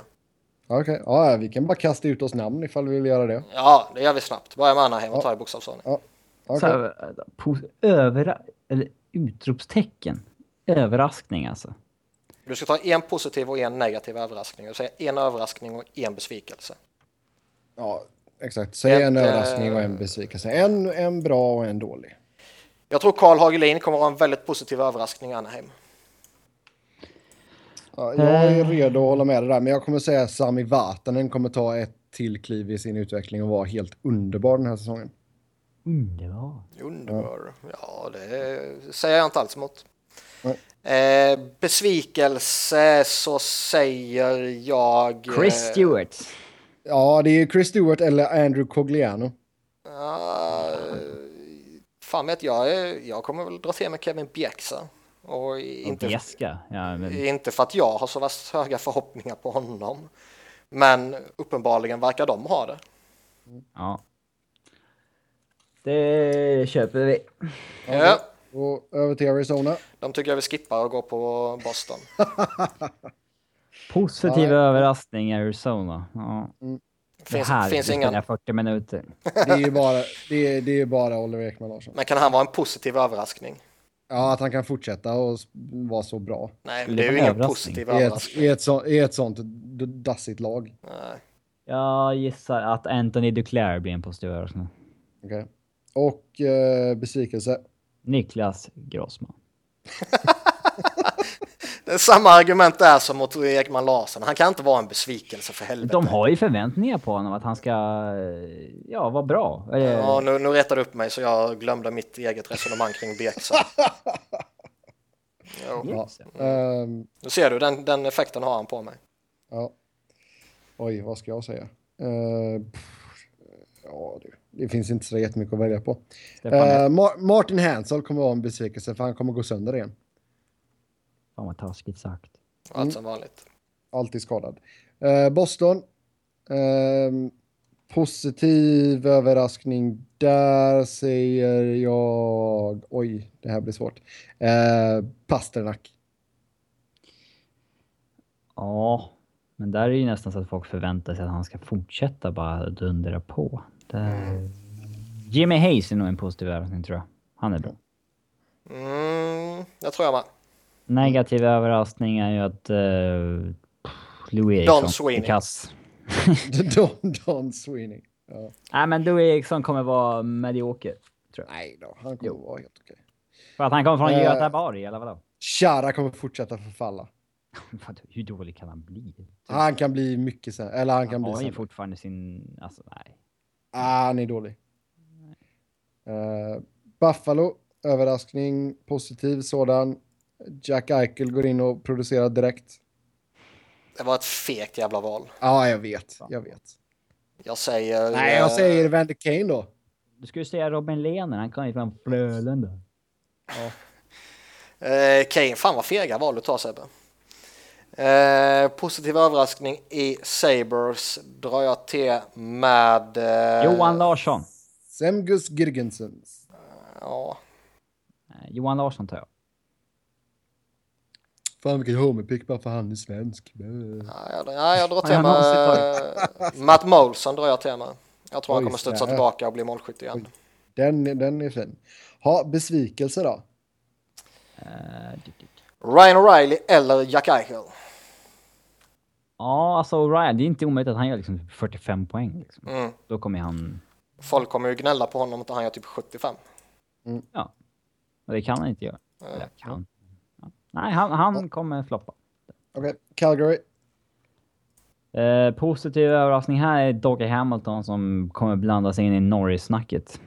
Oj, direkt alltså. Ja, för fan alltså. Det... De spelar redan på den nivån som de andra. Så. Ja. Ja, jag säger Sean Monahan. Negativ överraskning blir Jiri Hudler som inte kommer hålla den nivån han höll i fjol. Ja, du menar att han inte kommer ha ett karriärsår igen? Mm. Ja, det, det kan jag hålla med om. Det är kanske Dennis Wideman också som kommer ner på jorden igen. Ja. Mm. Jag har eh, inget att inflika där. Nej. Ja, eh, ska vi se. Då går vi vidare och då har vi eh, Carolina. Lyssna nu Emil. Eh, jag tror mycket väl Eric Stahl kan vara en positiv överraskning eftersom han är på ett kontraktsår. Ja, du tänker så ja. Jag tror James Wisniewski kommer vara en positiv överraskning. Och jag tror att Jeff Skinner har ett floppår till. Jag chansar ju vad jag vill. så Jag tar någonting. Jag vet. Hade lika gärna kunnat sagt Skinner på positiv överraskning. Jag- Jag tror Eddie Leck kommer vara en besvikelse. Jag tror läcker det kommer kommer en pos positiv ett- överraskning. Mm, har du fel. Nej, du var fel. Eh, Chicago. Säg Eh. inte Marcus Kryger nu, Robin. Då, då stänger jag, då stänger jag av. Jag tror Anisimov kan vara en uh, överraskning. Eh, Sett han är bra miljö och det kan smälla på riktigt. ja. Men Marco Dano, han går in och gör fan 50 poäng. Mm. Inget snack. Negativ överraskning blir... Uh, eh, Corey Crawford. Taves. Corey, Corey Crawford. Nej men Taves har ett av sina sämre år på länge och landar på typ 62 poäng. jag... eh, fan, det ska bli intressant att se... eh, alltså, Det. den av Seabrook, Keith och Hjalmarsson som inte får spela med någon av de andra. Den som får spela med Daily. Eh, Ja, eller vem det nu blir liksom. Ja. Eh, Håller du Daily så lågt att det säger att den som spelar med honom kommer floppa? nej, eh, inte, Falla igenom fullständigt? inte floppa och falla igenom fullständigt, men eh, ser klart mer mänsklig ut än vad man kanske har gjort tidigare. Ja. Colorado. Positiv överraskning blir Nikita Sadorov. Michael Grigorenko. Den är jag tveksam på. Alltså, det- Ja, och besvikelse tror jag blir Carl Soderberg. Jag tror det blir Brad Stewart. Han, Nej, jag, jag tror Kalle, Kalle Söderberg kommer att bli en besvikelse. Eh, Stewart är, tror jag alla kommer vara pissdålig. Så att det är, ja. det är grossanfall egentligen. ja, faktiskt. Förutom att ingen förväntar sig att han kommer vara bra. Eh, överraskning håller jag väl med om Sadorov. Man kan ju kanske... Varlamov, om man har, alltså han har varit liksom typ 93 procent två år i rad. Att han... Ja. Kanske faller ner lite, men... Nej, jag säger Carl Söderberg som landar på typ 38 poäng. Ja. Columbus. Uh, Jag tror Nick Foligno kommer att vara en jag besvikelse. tror Brandon Saad kommer vara en besvikelse. Ja, men han kommer fortfarande segla på sitt namn. Däremot, eh, fan vet om Foligno gör liksom 70 poäng igen och 30 mål. Ja, det vet jag att han inte gör. Det kan inte Ja. folk förvänta sig heller, eller? Ja, men han fick ju nästan ett kontrakt som sa att han skulle göra det. Men jag tror inte att Saad går och gör 70 poäng nu, liksom bara för att han spelar i... i- För att han spelar med sämre spelare. Nej, men sannolikheten för att han gör det, eller sannolikheten för att Foligno gör det. Ja. Eh, Positiv överraskning då. Vi var väldigt negativa där snabbt, känner jag. Ja, det är ju Eh, ja, det kan nog, det kan fan bli Alexander Wennberg faktiskt utan, ja. Det säger jag inte för att vara Homer, men Jo, det är klart du den säger. kanske går att passera eftersom han har spelat i Frölunda en säsong. Jag säger världens bästa krigare, Gregor Campbell. Okej. Nej, det gör jag inte. Scott eh, Hartnell kanske kommer ner på jorden. För. mm. David Clarkson kanske blir en överraskning. Ja, bara han kan spela hockey så är det en positiv. Ja. Eh, snabbt vidare till Dallas då. Här. Positiv överraskning blir Patrick Sharp som passerar 30 kassar igen. Mm. Positiv överraskning här blir ju Nitushkin. Det vet fan alltså. Det vette fan. Besvikelse säger jag Johnny Oroya. Ja, Visst, där är jag ja. nog på din sida. Johnny Hockey. Nej, jag, det jag, gör. säger, jag säger att Kari Lehtonen uh, fallerar. Det finns ju Antiniemi där, det är lugnt. Ja, ja. Mm, visst. Eh, Detroit. Jag tror... Eh, Daniel Cleary. ja. Positiv överraskning blir Danny De Kaiser som kommer vara bland Detroits två bästa backar i år. Alltså, Nej, nej. Jo. Eh, en överraskning, jag, jag tror... Eh, ja, Brad Richards tror jag kan göra ett bra år. Negativ överraskning tror jag... Anthony Manta. Nej, men jag säger, jag sticker ut hakan och säger att antingen Zeta eller Datsu kommer börja visa ålderstecken. Jag säger att eh, Thomas Tatar inte är uppe och nuddar på 30 mål. Sådär. Ja. Ingen av oss tror att Mike Green kommer att floppa. Nej, han kommer göra sitt. Ja. Jaha, då går vi vidare. Edmonton Oilers. Positiv överraskning här blir eh, Nail Jakubov. Besvikelsen är så uppenbart Conor McDavid för han, Ja. han, han, alltså, Han han, är, inte han är så överhypad. med poäng. så Nej, då- nej. han är så överhypad så han kan bara misslyckas. Han är så jävla dålig. Eh, Alltså han är ju fortfarande jättetalang och jätteduktig men trots det så är han ju sjukt överhypad. Vad han än gör kommer inte vara tillräckligt för att leva upp till det. Ja, exakt. Positiv överraskning, Andrei Sekera. Överraskning. Eh. Jag tror en Cam Talbot kan nog vara en besvikelse också. Ja, det kan han fan vara. Anders Nilsson kan bli en positiv överraskning. Äh. Det går inte. Eh, nej, det fanns rätt många roliga här. Alltså de här liksom en uh, Lander kan mycket väl bli en positiv överraskning. Liksom. Dreisaitl blir en besvikelse och skickas ner i AHL. Ja. Stämplar vi nu alla spelare med antingen positiv överraskning eller besvikelse? Det finns inga så här som bara kommer vara kvar på... Som bara kommer vara okej. vara. liksom. ja, det är ju. Edmonton vi pratar om för helvete. Ja, Där är det så ju. ja, Florida. Besvikelse tror jag blir Riley Smith. Jag vet, ja, jag vet inte, han känns inte... Jag vet inte, jag har bara en dålig feeling där vet du. Eh, Positiv överraskning blir Alexander Barkov som bara exploderar. 60 Mm. pin. 60 pinnar alltså. Ja, han bara ja, går fram som en ångvält. Jo, det är 36 år så det är inte jättekonstigt om man tar... Nej. jag drar till med Aaron Ekblad som eh, Sophomore slump. besvikelse i en sophomore slump. Ja. Positivt då? Uh, Jagr tror jag kan komma på... Jag tror Mark Savard kommer fylla en jävligt viktig funktion för Florida. Ja. Uh, Den där Jagr kan överraska lite. Ja. Ja. ja, vi lämnar Florida där och går över till Los Angeles. Och eh, positiv överraskning här. Det är Milan Lucic.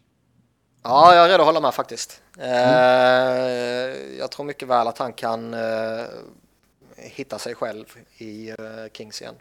Ja. Och besvikelse blir självklart Dustin Brown. Han, det är ingen, om Det är ju en ingen besvikelse. besvikelse så är det ingen besvikelse. Okej. eh, Marian Gaborik då? ja, det är ett bra alternativ. Det, det står jag bakom. Jag s- säger inget här.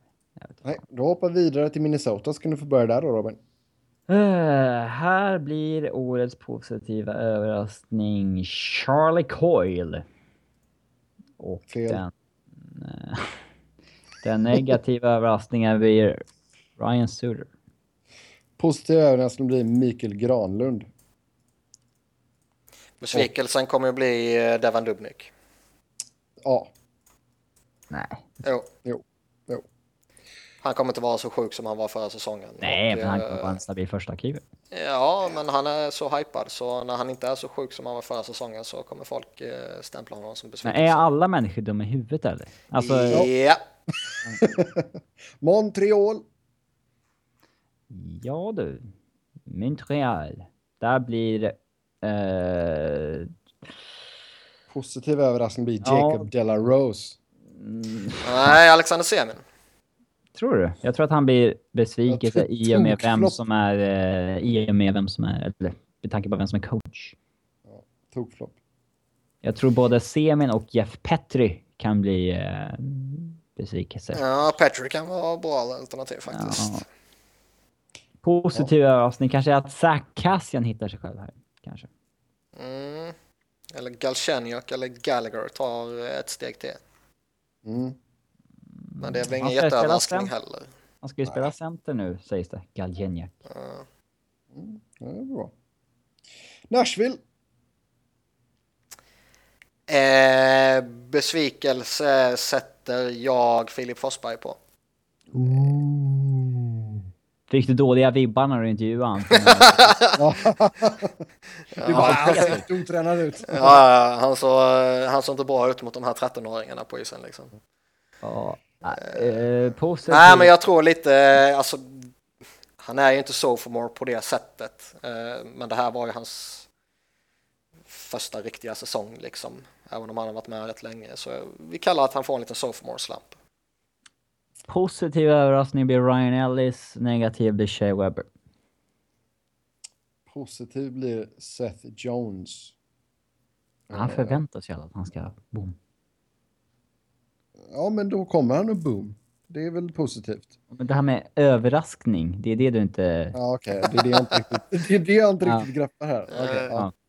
ja. Eh, besvikelse, ja du. Eh, Hodgson blir ingenting, men det är kanske ingen som väntar sig heller.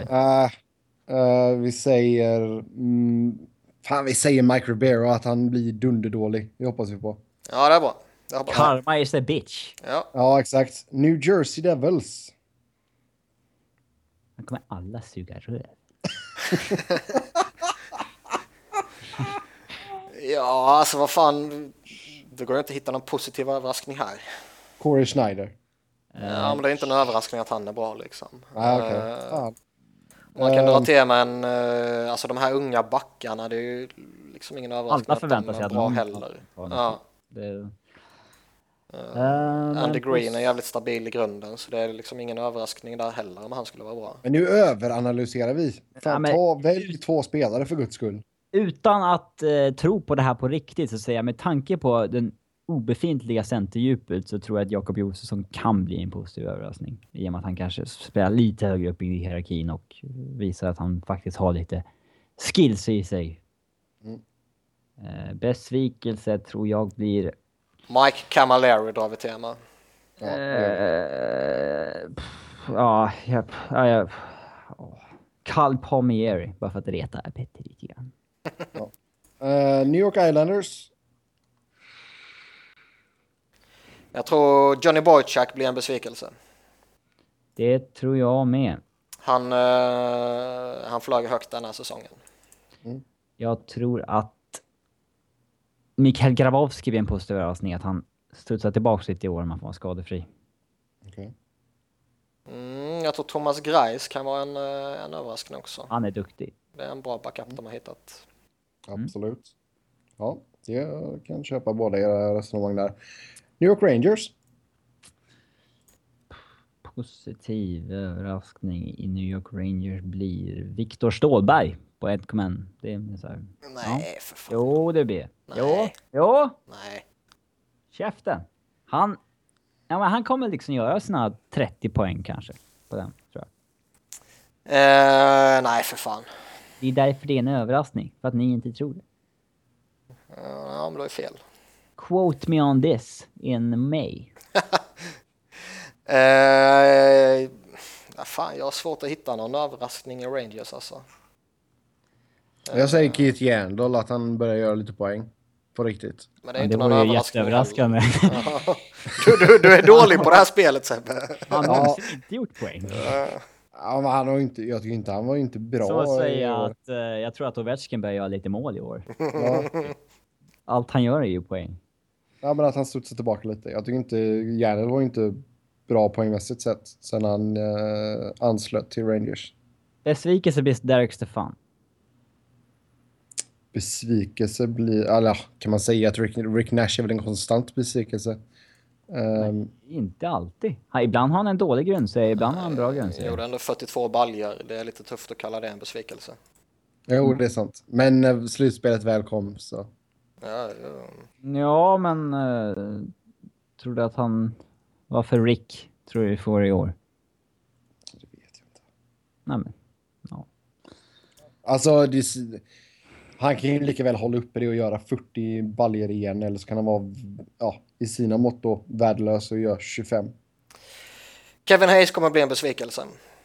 Chris Kreider kommer bli en positiv överraskning och verkligen ta eh, nästa kliv här. Jag tror inte att uh, Hayes kommer också ha lite den här sophomore-slampen. Han kommer inte växla ut utan han kommer ta ett lite, lite steg tillbaka. Dan Girardi kommer vara en besvikelse. Ja, men det är han redan. Han är kass. Alltså jag, ja. Antti Ranta kommer vara jättepositiv överraskning när han får stå fem matcher. uh, Ottawa då? Om man tar bort den uppenbara besvikelsen som kommer vara Hammond. Varför, så- vad har du emot Zibanejad? uppenbara... Ja. Vad- Vadå emot? Ja, men det- ja. Ja. Hammond? Jaha, menar Ja. du Hammar? Jag tror du menar Zibanejad. Ja, nej, Ja. Hammond. Ja, men han kommer ju bli en uppenbar besvikelse. Eh, Absolut. Ja, det är så Men, givet. eh, och ändå är det en besvikelse för det finns folk som på riktigt tror att där sitter de på en guldklimp. Mm. Eh, men besvikelse kommer vara Bobby Ryan. Och jag tror att en positiv överraskning kommer vara Patrick Weirkarch. Mark Stone kan bli en besvikelse också. Med tanke på att hur jävla het han var i slutet på förra säsongen. Ja, alltså alla de här som flög så jävla högt mot slutet av säsongen kan ju få en besvikelsestämpel på sig egentligen. Ja, om de inte fortsätter i samma takt första Ja. 40 matcherna Ja, nästa år. ja. Ja, Philadelphia Flyers. här får vi... Eh, Jag tror Jevgenij Medvedev kommer vara en överraskning. En positiv sådan. Ja, Jag tror att en positiv överraskning i Flyers kommer att vara Radko Gudas. En negativ överraskning kommer vara... Överraskning, men en besvikelse kommer vara Sean Couturier inte tar det där steget i år heller. jag eh, säger samma sak men om Braden Chen istället. Vad säger Sebbe? Mm, Ja, positiv överraskning. Sam Kanye. Eh, nej, för helvete. Han kommer bli en besvikelse. Eh, vad ska vi klämma till med? Eh, nej, men då säger jag Sean Couturier. Han tar det klivet. Pang! Han blir positiv överraskning istället. Eh, Pittsburgh. Eh, Besvikelse. Sidney Crosby. Ja, det är givet. En besvikelse, om de signar Goncha så tror jag det kommer vara en besvikelse utav dess like. Men här tror jag en besvikelse kommer vara Chris Cooney som kommer börja visa att han, det är inte mycket kvar i den kroppen. Ja, Eh, och en positiv överraskning kommer vara Nick Bonino som förmodligen Mm, ersätter honom på den platsen. Jag tror eh, Plotnikov kan vara en överraskning. Eller Plotnikov med reservation för min eh, ryska. Ja, det är lugnt. Olli Mäte. Ja, men han förväntas ju alla kommer vara jättebra. Men Jag tror att han kommer vara besvikelse. Nej, nej. Han, jag tror han kommer vara skitbra. Det är så länge han får vara frisk. Så kommer han vara helt Ja. underbar. Jag tror inte Ja, vi har säger samma det. de Nej, du... ja, exakt. Vi har snart slut på lag här. Du du hade inte fattat grejen. Jag sitter, jag sitter med förkärlek för finska backar här också. Uh, alltså Phil Kessel kommer vara jättebra också. Men det är väl ingen jätteöverraskning. Nej, alltså Och på om du frågar folk i eller utanför Toronto. Det är Okej, så här, ja, Man kan säga att det är, det är en positiv överraskning om man gör liksom 55 kassar om man tror det. ja, så. Eh, Han kommer komma över 40 i alla fall. ja, men det är ändå förväntat. Han gjorde fan 35 bredvid Bozak. Då började han göra 40 bredvid Crosby eller Malkin. Mm. Vi snackar kanske om en av NHLs bästa renodlade målskytt här. Köttbullen. Ja. Ja, eh, San Jose. Där har vi en besvikelse i Patrick Martin Marleau. Jones. Patrick Ja. Marleau. Men, ja, men en besvikelse kommer vara Martin Jones. Det tror jag med. Och en positiv överraskning kommer vara... Joel Ward. Eh, ja, men jag tror Paul Martin kommer visa att han är en förbannat bra back fortfarande. Thomas Hörtel. Han studsar tillbaka efter en riktig... Teenage Mutant. Ninja Hurdle. Uh, Merkel Karlsson kan också bli en positiv överraskning att The Milkman keeps on delivering. Men alla... ni- Nej. Nej. Uh, Mirko Mull, Muller kan, eller Muller kan också bli en positiv överraskning. Kanske. Mm. Mm. Men Martin Jones och uh, Marlö ligger i farhågorna att det blir dunderbesvikelser. Ja. St. Louis Blues. Jag tror att Paul Stastny kommer visa varför han var värd de där sju millarna egentligen. Eh, Okej. Den här säsongen. Studsa Det tillbaka är det. lite. Så han, han, om de studsar tillbaka, då är det positivt med andra ord då. Ja, men han kommer... Han var ju lite besviken i fjol. Jag tror att han kommer studsa tillbaka i år. Det var en positiv överraskning. Mm. Det finns två bäst... Jag tror Troy Brower kommer vara en och jag tror Jori Lehtere kommer vara en. Han kommer visa att det han gjorde i fjol var snarare en engångsföreteelse än att det var på riktigt. Nej då, Jori Lehter är på riktigt. Va, varför gillar du finnar så jävla mycket? Vi ska ju jag hata dem. Ja. Ja, pff, ja. Har du inte det där hatet i dig från alla innebandyfinaler vi har mött dem i? Eh, besvikelse säger jag Brian Elliott. Jag undrar om eh, Alex Sten kommer börja tappa av lite. Det är möjligt. Han är gammal. Ja, Han är 31. Ja, Ja, det är klart som fan han börjar tappa någonstans snart då. då. ja. Mm. Det är fan mer än jag trodde till och med. 31! Så gammal. Jävlar. Ja, han behöver rullator på isen. Ehm, ja, vi släpper St. Louis där. Eh, Tampa Bay. Ja, Jobbigt lag. alltså med tanke på hur många som ändå verkligen visar framfötterna förra säsongen så Ja, Det är svårt att säga vem som mer som ska... Tjum! ja. Eric Men kan- Condra kommer se bra ut i Tampa liksom. Men liksom kan, kan de här killarna hålla uppe det här då? Det är Alltså- fortfarande liksom ingen positiv överraskning om Duran, liksom, för alla förväntar sig att ah, men nu kommer det väl liksom. Ja. I och med att eh, det... Ja. Mm. En positiv... eh, Ja.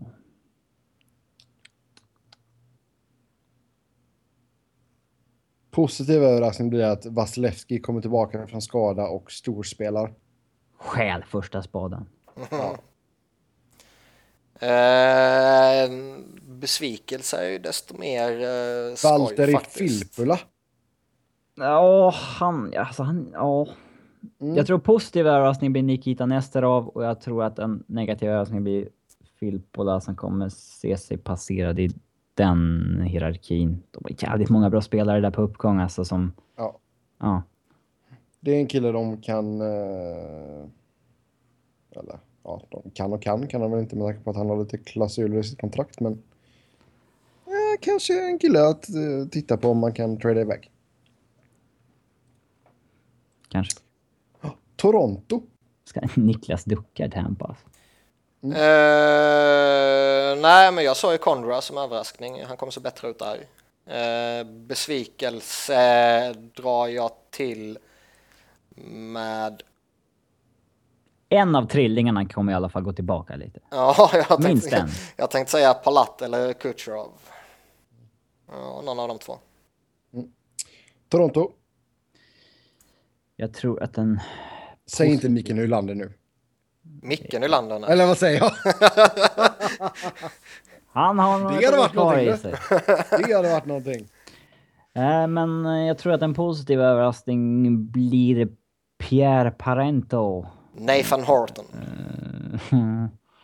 En negativ överraskning. Det finns några, alltså det finns många bra. En positiv överraskning kan bli Martin Marinsin också. Eh, De har faktiskt, eh, ska man säga något positivt om Toronto någon jävla gång så är det ju faktiskt att de har rätt många alternativ för positiv överraskning. Ja, eh, som Robin ja. var inne på. Alltså de har ju, vi har ju pratat om det tidigare, men många av de här eh, Många billigare värvningarna. Ja, precis. Arcobello. eh, negativ... eh, pff, Jag, jag säger att Daniel Winnick då, han kommer visa att han... Det där är... Ja. Lite ålderstecken kanske. Jag säger att uh, Robida. Ja, men... Han blir skadad igen. Ja, det vore ju Han en bryter jättestor benet. överraskning. Byter benet för tredje gången, eller vad fan det nu är. Uh, Mikael Nylander hade ju varit en jättesensation. Eh, Faktiskt. Men eh, det var ju William jag menar såklart. Tror ni han kommer få spela någonting? Ja. Ja, det kommer jag. Nio matcher och sen ner till uh, Mar Marlies eller? Nej, Eller jag tror han, han börjar i AHL och kallas upp så småningom. Okej. Ja. Vancouver. Kanakis. Mm. Brandon Sutter kommer vara en besvikelse. Ja, en enorm besvikelse. För han kommer vara så hypad. Eh, pff. Ja. Fan vad tråkigt lag de har alltså. Om man ser deras line-up. Fy fan för att se deras matcher. Sven Berchi. Som vadå? Positiv överraskning. Eh, ja. Måste plocka någonting liksom. ja. Fy fan. Jag spyr när jag ser det här laget. Jakob Markström, positiv överraskning. Ja, okej. vi säger Markström. Han stjäl första spaden. Av Ryan Miller. Och negativ överraskning i Brandon Sutter. Mm. Washington. Här tror jag en positiv överraskning blir... Kuznetsov. Men nu är du inne på Ja, eh, Sebbe-nivå här tack. ju. Tack. Nej. Jo, Nej. det är du fan. Jo. Nu, Men nu... det är väl en positiv överraskning om han gör 60-70 poäng. Det är väl ingen som förväntar sig det. Ja, men det är ju ingen skräll liksom, för fan. Nu, nej, nu får jag Sebbe-vibbar för dig Robin här. Tack. Han är Eh. inte 37 poäng och jag säger att han gör 60-70. Vore inte det en positiv överraskning? Ja, jag skulle säga att det kanske är ett inte helt onaturligt steg. Men vad fan. Nej, du, Se- Sebbe-varning. Nu får du skärpa dig Robin. Negativ överraskning på i alla fall TJ Oshie. Eller nej, jag vet inte. Han kommer göra bra i den omgivningen men... Ja. Jag säger att eh, Brooks Orpik som ändå gjorde en hygglig första säsong eh, kommer börja dala av nu. Men vad i helvete, det är ju en jätteuppenbar besvikelse. Ja, men du sket ju i reglerna, då skiter jag i reglerna. Ja men... Åh! Säga en kille kommer dubbla sin poängskörd är väl klart en positiv... Ja, vad fan. Jag säger, jag, jag håller med om att TJ Oshie kan bli en besvikelse och ehm, eh, överraskning eh, finns det ingen. Braden Holtby kan bli en potentiell eh, besvikelse. Han är mätt nu när han skrev det här feta kontraktet. Ja, det är bra alternativ. Och eh, sist men inte minst Winnipeg Jets. Det beror på om vi pratar Big Buff eller inte. Ja, det är sant. Men... Eh, Negativ överraskning på Alexander Bromistrov. Han kommer inte vara bra. Eh, positiv överraskning då? Ja, Men kan, Mark. Shi- kan Scheifele ta ett steg till i utvecklingen så är det väl det jävligt positivt. Ja, men det är ju knappast en överraskning. Nej. Ehm. Eh. Besvikelse. De har verkligen inga potentiella positiva överraskningar. Ingen. Det man skulle möjligtvis kunna dra tema är väl, det är väl typ en uh, Mafia Perot. Om han... Men han har ju eh, alltid varit bra. Ja, men om han tar eh, eh, ett steg till. Det är en av de här killarna som... Eh, om man snackar points per 60 alltid levererat, eller alltid i 4-5 år levererat i första line-takt men inte fått den istiden. Mm. Så vi får se vad som händer om man får det. Men... Mm. Eh, eh, Jakob Truba växer ut till en jätteback. Big Buff är ju alltså går ju kontraktsår. Han kan ju kanske buffla på riktigt bra. mm. Ja, vi säger det. Så vi får slut Ja. på det. Det var det hela. Det var jävla vad det spårar här på slutet känner jag. Något annat ni vill snacka om? World Cup? Nej. Kan vi ta längre fram? Fan. Ja, jag får vänta med. Ja, då tar vi och rundar av. Eh, som vanligt så kan ni snacka hockey med oss via Twitter. Mig hittar ni på att Noren. Niklas hittar ni på att Niklas Wiberg. Niklas med C och enkel V. Och Robin hittar ni på R underscore Fredriksson. Så fortsätt komma med lyssnarfrågor och allt sånt där gött. Så hörs vi igen snart. Nu är det fan med mindre än en månad kvar. Ja, Woho!